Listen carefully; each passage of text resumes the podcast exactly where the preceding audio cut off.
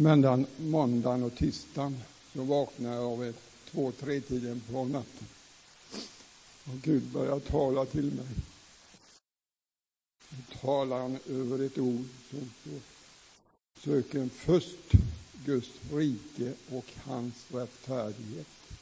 Då skall allt det andra tillfalla eder. När du hör det här ordet så kanske du tänker så, så Ja, men jag har så mycket att göra. Jag hinner inte med det där. Jag måste göra det och det och det och det och det. Och det. Men han säger, sök först Guds rike och hans rättfärdighet, så skall allt det andra tillfalla eder.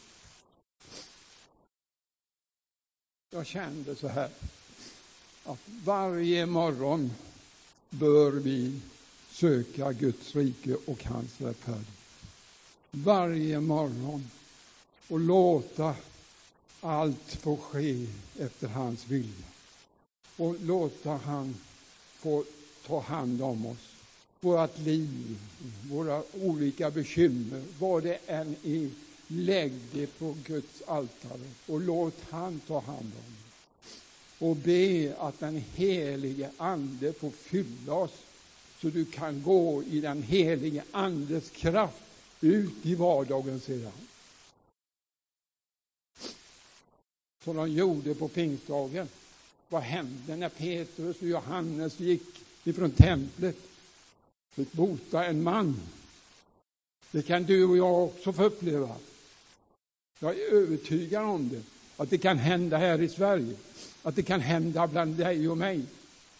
Du vet inte vad du kommer att möta när du kommer vidare och eh, träffa på människor. Sen fick jag ett ord till och det är sök.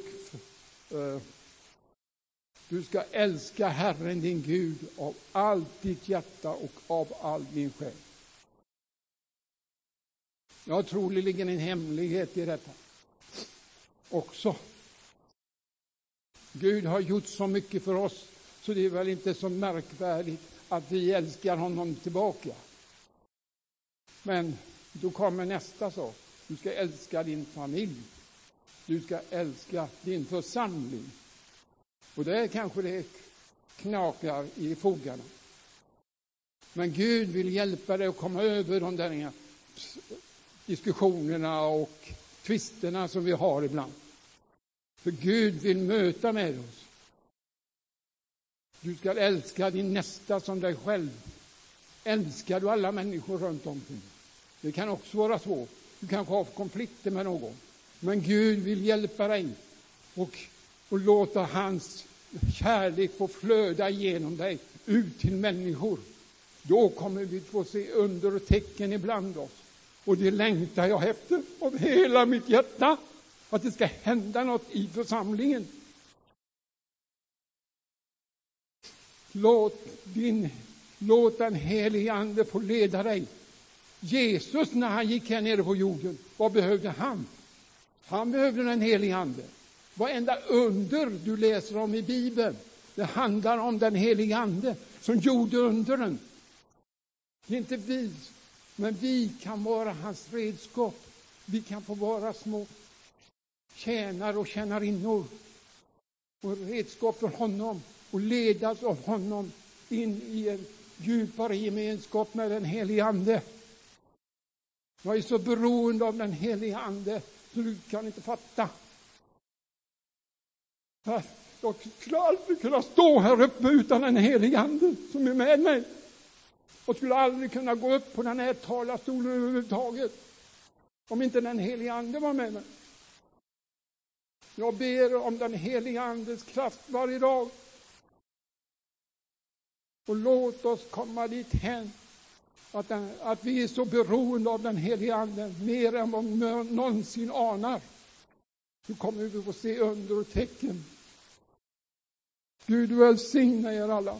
Jag älskar er och jag vill allt. Och jag vill att församlingen ska komma i funktion och var och en av oss komma i funktion.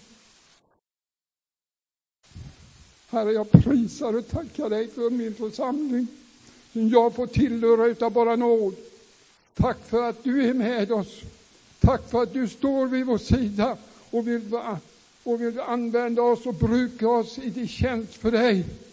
Tack för att du älskar oss av hela vårt hjärta, ditt hjärta. Tack för att du är med oss i Jesu välsignade namn. Amen.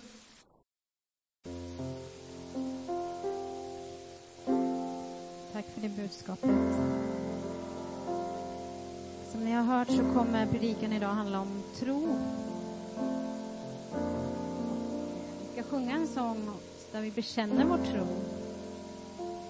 Och refrängen går, vi tror på Gud, vår Fader, och på Jesus Krist, Guds son. Vi tror på helig Ande, vår Gud är tre i en. Vi tror att Jesus uppstått och gett oss evigt liv. Vår tro är byggt på det namnet Jesus. Tack Sofia, Anna-Maria. Ja vänner, vi knäpper händerna och så ber vi. Helige Gud, vi tackar dig. Tack för det här tillfället vi har idag. Att samlas tillsammans inför Jesus, inför nattvardsbordet, Herre, som påminnelse om vad du har gjort, Herre. Herre, välsigna du detta frö som ska sås och förhoppningsvis tas emot i våra hjärtan, Herre. Herre, sätt oss i rörelse, ber om steg. För dig, Gud, finns inga små eller stora steg, men att vi tar steg i tron. Amen. Ja, vänner, vi har ett tema. Jag vet inte om jag behöver säga det, men om du är ny här så har vi i höst ett tema som vi har kallat för Hela församlingen i funktion. Ett tema som fångar vad församlingen verkligen är. En livaktig kropp bestående av många delar, var och en med en bestämd uppgift. Och i höst så ska vi titta närmare på några utav andens gåvor. Kanske din gåva, ta reda på vad den betyder i praktiken, i församlingen, men också i staden. Och dagens gåva är som Albin här sa och som Anna-Maria också nämnde, det är trons gåva. För vi hörde ju att somliga i församlingen fått tro genom samma ande. Vad är detta för tro? Ja, vi ska titta på det som sagt. Jag ska tala om tro på två vis. Dels om tron som nådegåva, men också om den frälsande tron. Och jag kommer till den lite senare. Men innan vi dyker ner i dagens ämne så måste jag få säga någonting först om hur du börjar fungera i din gåva. För det är ju trots allt det som är själva poängen med höstens tema. Jag vet inte om du håller med, men någon har i alla fall beskrivit en fotbollsmatch som ett event där tiotusentals sitter på läktaren som skulle behöva motionera och titta på 22 stycken fotbollsspelare på planen som är i desperat behov utav vila. Det är ju en beskrivning som inte bara passar in på fotboll utan också på den kristna församlingen. Genomsnittsförsamlingen idag, 2021, består utav en hög andel medlemmar som mest tittar på när ett fåtal gör grovjobbet. Det vill vi ändra på. Just därför är höstens tema så viktigt hela församlingen i funktion. Och jag är så glad, för häromveckan ringer en församlingsmedlem till mig och så säger han, Johan, jag vill komma mer i funktion. Kan vi ha ett samtal? Mer sånt, mina vänner. Alltså detta är ju också nyckeln till Nya testamentets undervisning om Andens gåvor. För det är ju trots allt i den lokala församlingskontexten som Andens gåvor avhandlas. Det är när vi förstår vilka gåvor som Gud har lagt ner i mig, i dig, som vi upptäcker vår uppgift i Kristi kropp. Det är någonting som händer. När du ser en person som är på rätt plats Någonting händer. Det blir bara så roligt att vara församling då. Men jag vill också så här i början beröra två bibeltexter som sällan nämns när man talar om andens gåvor. Och båda de bibeltexterna är hämtat ifrån Timoteus brev. Jag vet inte om du kände eller känner Timoteus, men han var en av aposteln Paulus yngsta medhjälpare. Och det tycks som om de kristna liksom gjorde, lite, gjorde sig lustiga, ringaktade honom för hans ringa ålder. Paulus skriver därför till en uppgiven Timoteus. Fortsätt att högläsa ur skriften och förmana och undervisa tills jag kommer. Försumma inte nådegåvan i dig, den som du fick genom profetord när de äldste lade händerna på dig. Alltså precis som Timoteus så kan även vi hitta ursäkter att inte använda den nådegåva som Gud har lagt ner i oss. Men när vi inte gör det som Gud har begåvat oss med, då händer tre saker, ja kanske fler, men tre saker vill jag nämna. Vi dräneras på energi när vi gör sånt vi inte är begåvade för. Har du varit med om det? Alltså om jag skulle ställa mig på en fotbollsplan och springa runt där och inte alls är särskilt begåvad fotbollsspelare, ja det är klart. Det är ingen jätterolig upplevelse. Vår, vår potential får inte möjlighet att blomstra inom de områden vi är begåvade att tjäna i.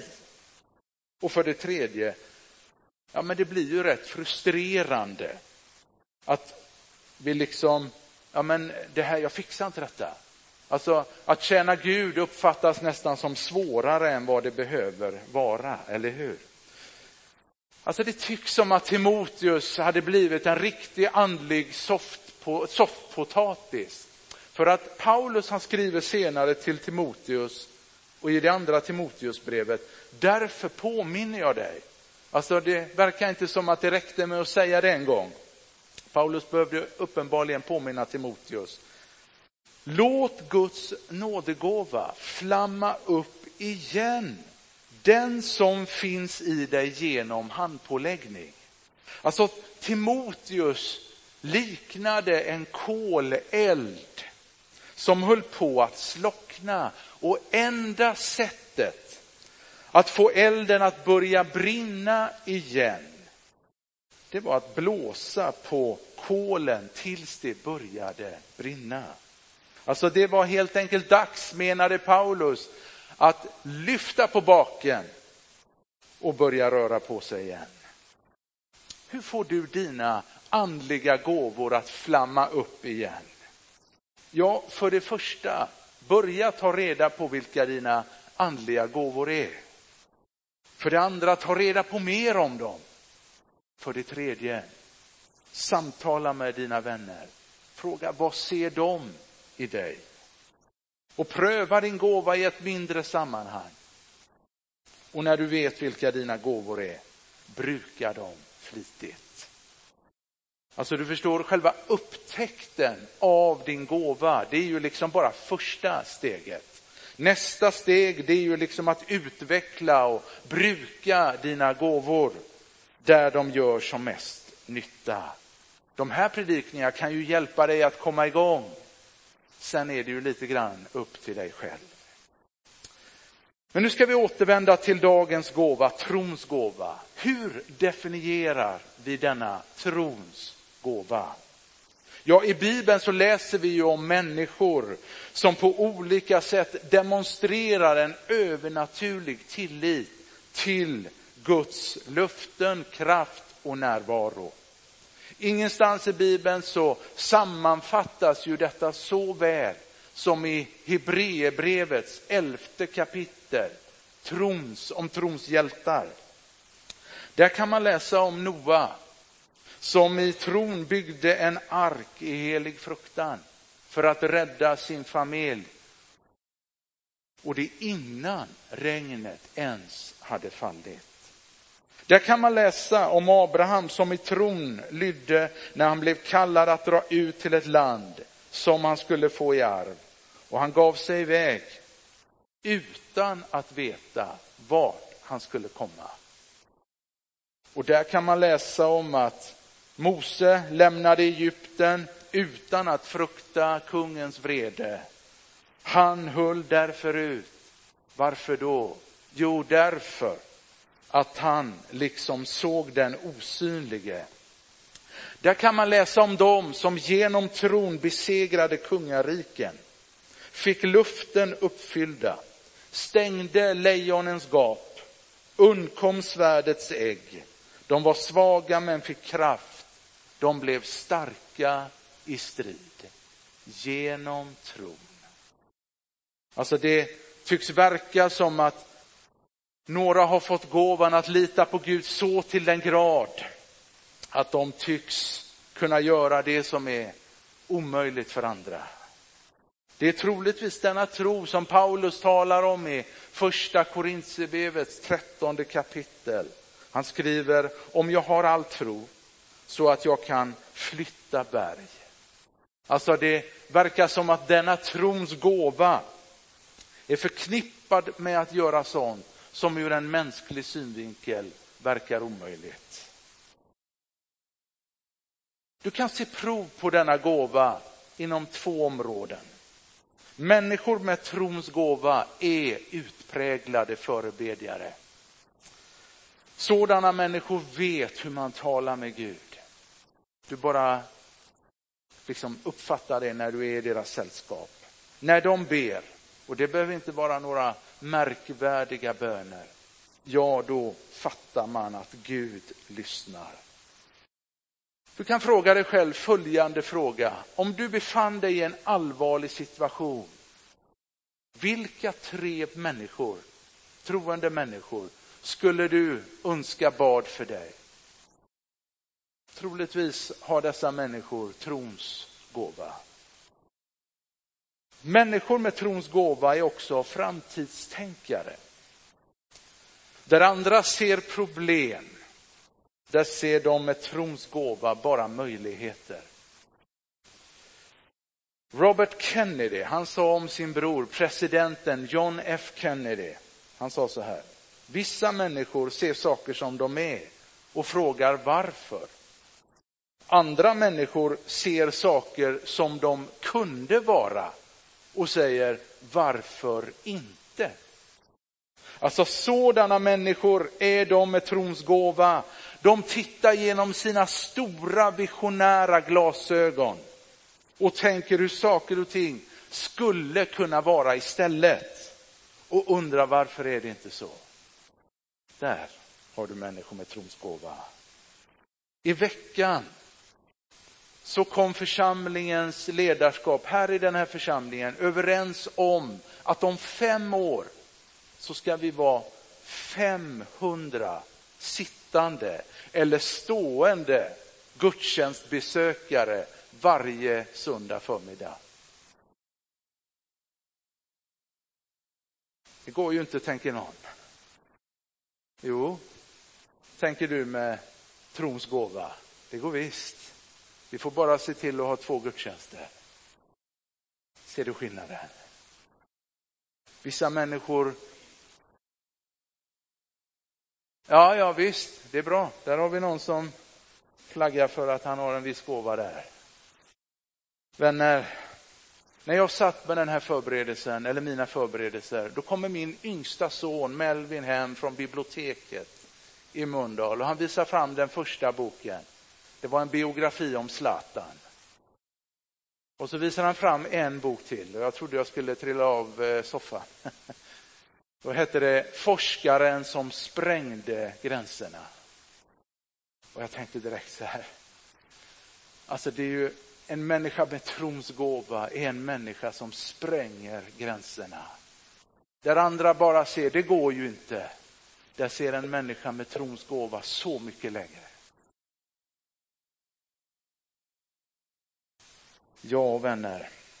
Ser du kyrkan för staden framför dig? Om du gör det, Var i den drömbilden ser du dig själv? Vad gör du? Gå hem och be över den tanken.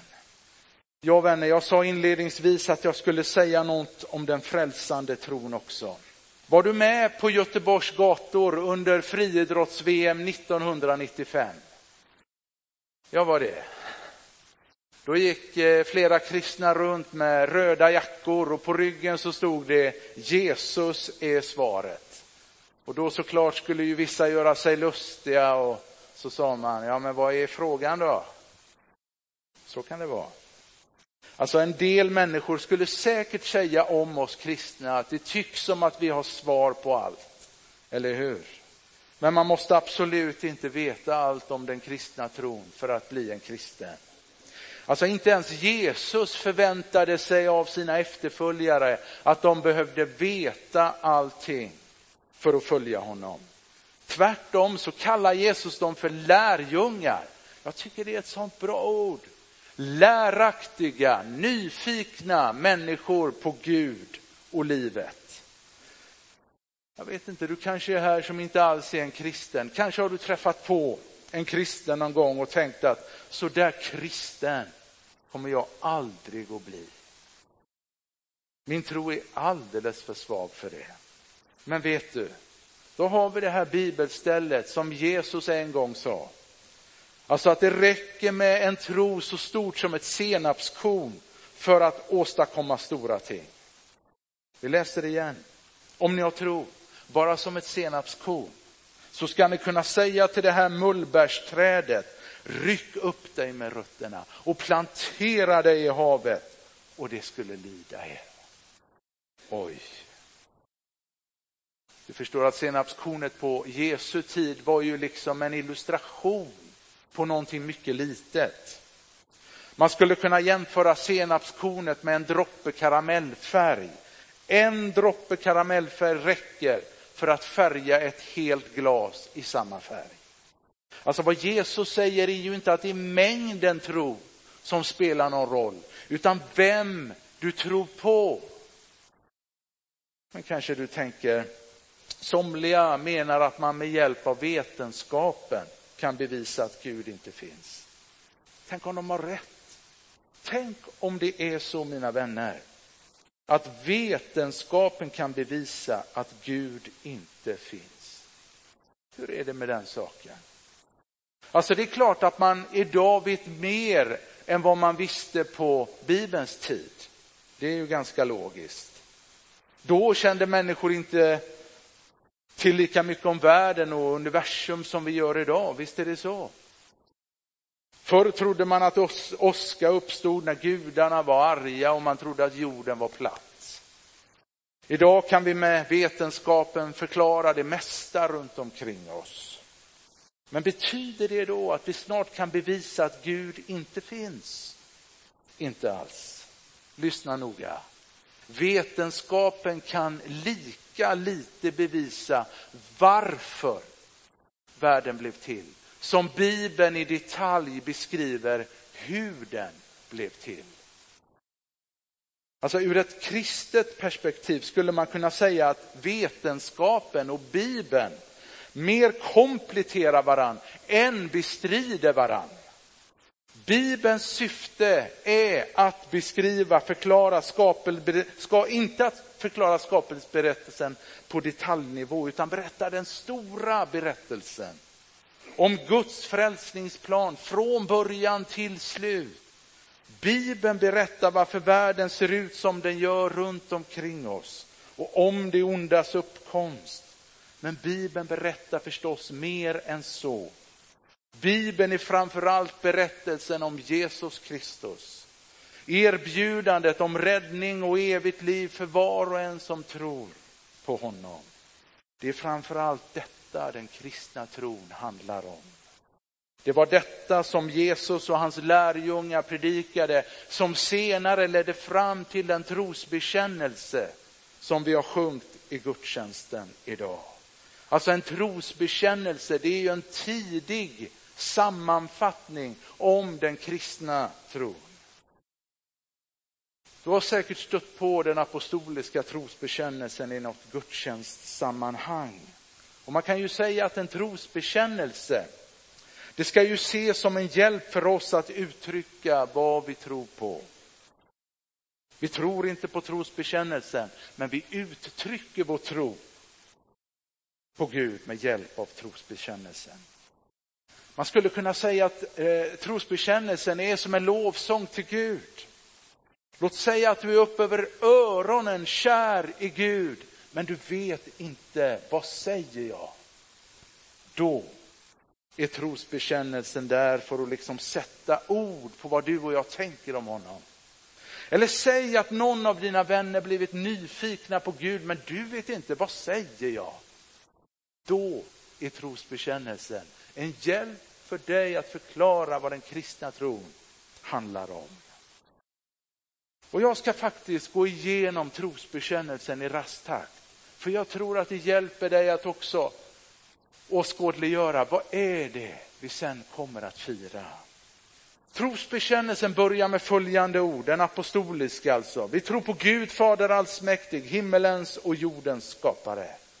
Precis som Bibeln så börjar trosbekännelsen med tron på att Gud har skapat allting. Så tänker vi här. Gud är något annat än det skapade. Gud är helig, alltså skild från det skapade. Men Gud är också vår far, en jordisk far, en fullkomlig förälder utan alla fel och brister som jag tyvärr är full utav. Och han finns alltid liksom där, alltid villig att umgås. Sen läser vi, vi tror och på Jesus Kristus, hans enfödde son, vår Herre. Du vet att Kristus, det är inget namn, det är en titel. Att säga Jesus Kristus, det är att erkänna honom som Herre över mitt liv. Och att han har makt att rädda mig från synden och döden. Och så läser vi vilken är avlad av den helige Ande, född av jungfru Maria. Du förstår att Jesus är både Gud och människa, varken mer eller mindre. Pinad under Pontius Pilatus, vad betyder det? Jo, att Jesus är ingen sagofigur, utan en historisk person. Han har betrampat den här jorden på riktigt. Pilatus han representerar ju dåtidens största maktimperium, romarriket. Och du vet att numera så är romarriket ett minne blott. Ja, det finns lite ruiner kvar, ja visst gör det det. Men Guds rike är fortfarande aktivt här och nu. Halleluja. Korsfäst, död och begraven. Du vet att det märkliga med kristendomen med kristendomens Gud, det är inte att han har skapat allting.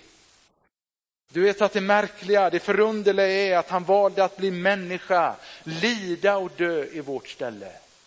Där har du det förunderliga med den kristna tron. Ingen annan religion talar om en Gud som valde att dö i människors ställe. Det visar hur mycket Gud älskar dig och mig. Och det ska vi få fira om en stund genom att ta emot Herrens måltid. Vi läser nederstigen till dödsriket, på tredje dagen uppstånden igen från de döda. Du hör ju, döden fick inte sista ordet. Jesu tomma kors och grav påminner oss om att Jesus, lyssna, verkligen lever och att han har vunnit seger över synd och död. Uppstigen till himmelen sittande på allsmäktig Gud faders högra sida, därifrån igenkommande till att döma levande och döda. Du vet att om Gud inte brydde sig om all ondska och lidande så skulle han inte vara så kärleksfull och god som vi säger att han är. Du vet att domens dag är varken skräckens eller sorgens dag, det är befrielsens dag. Vi tror också på den helige Ande. Hur ska vi orka hålla ut fram till befrielsens dag? Jo, med god hjälp av den helige Ande. Och så en helig allmännelig kyrka, det heliga samfund. Vad menar vi med det? Jo, att inte kyrkan främst består av tegel och trä. Nej, nej, den egentliga kyrkan, det är människorna som samlas i den. Du och jag som delar tron på Jesus Kristus. De troende tillsammans är själva kyrkan. Så när vi säger att vårt uppdrag är en kyrka för staden, vad är det vi säger? Jo, vi är människor som har funnit Jesus, som är till för människor, staden. Syndernas förlåtelse, tack gode Gud. Alltså en helig kyrka innebär inte att alla vi som samlas i den är perfekta. Jag är ledsen om jag gör någon besviken. Om det vore kravet för att bli en kristen, ja då skulle det inte finnas några kristna. Inte överhuvudtaget. Kristna begår ständigt misstag, om och om igen, hela tiden. Just därför är det skönt att veta att det finns förlåtelse i Gud. Och så läser vi, de dödas uppståndelse och ett evigt liv. Tänk dig ett blomfrö som planteras i jorden. Det verkar som om fröet dör och begravs, men några månader senare så händer det märkliga. Fröet börjar gro och snart så har en blomma börjat växa upp. På samma sätt är det med oss människor. Vi kommer alla en dag dö och begravas. Det vet vi. Men Guds löfte till dem som tror är evigt liv.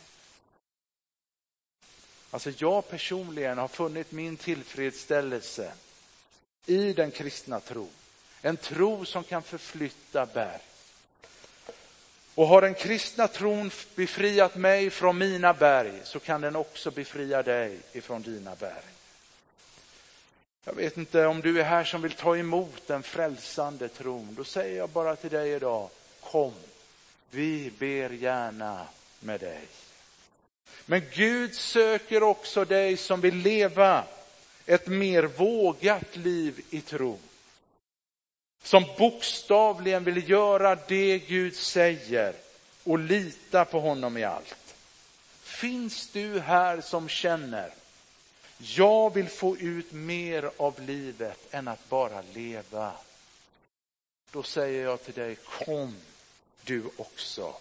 Kom du som vill göra trons människor sällskap. Som vill leva ett liv av tro och genom tro. Församlingen behöver dig. Låt oss be. Helig Gud, vi tackar dig. Tack för denna förunderliga tro som liksom connectar oss med himmelens Gud, himmelens skapare. Vår frälsare och Herre. Tack för att det finns liv och liv i överflöd genom denna tro. En tro som kan förflytta berg. Ja, Herre, du vet vilka berg vi sitter med. Sånt som Gud bara, ja det är just nu tungt, det är jobbigt, Herre. Vi känner inte riktigt oss så rörelsefria som vi skulle vilja vara. Herre, tack för att tro kan förflytta alla dessa berg. Herre, tack för måltiden som vi nu ska få fira tillsammans. Som en påminnelse om vad du har gjort i vårt ställe. Herre, vi får sätta vår tro till detta. Detta vårt hopp, detta vårt saliga evighetshopp, Herre. Lovad vare du. I Jesu namn. Amen.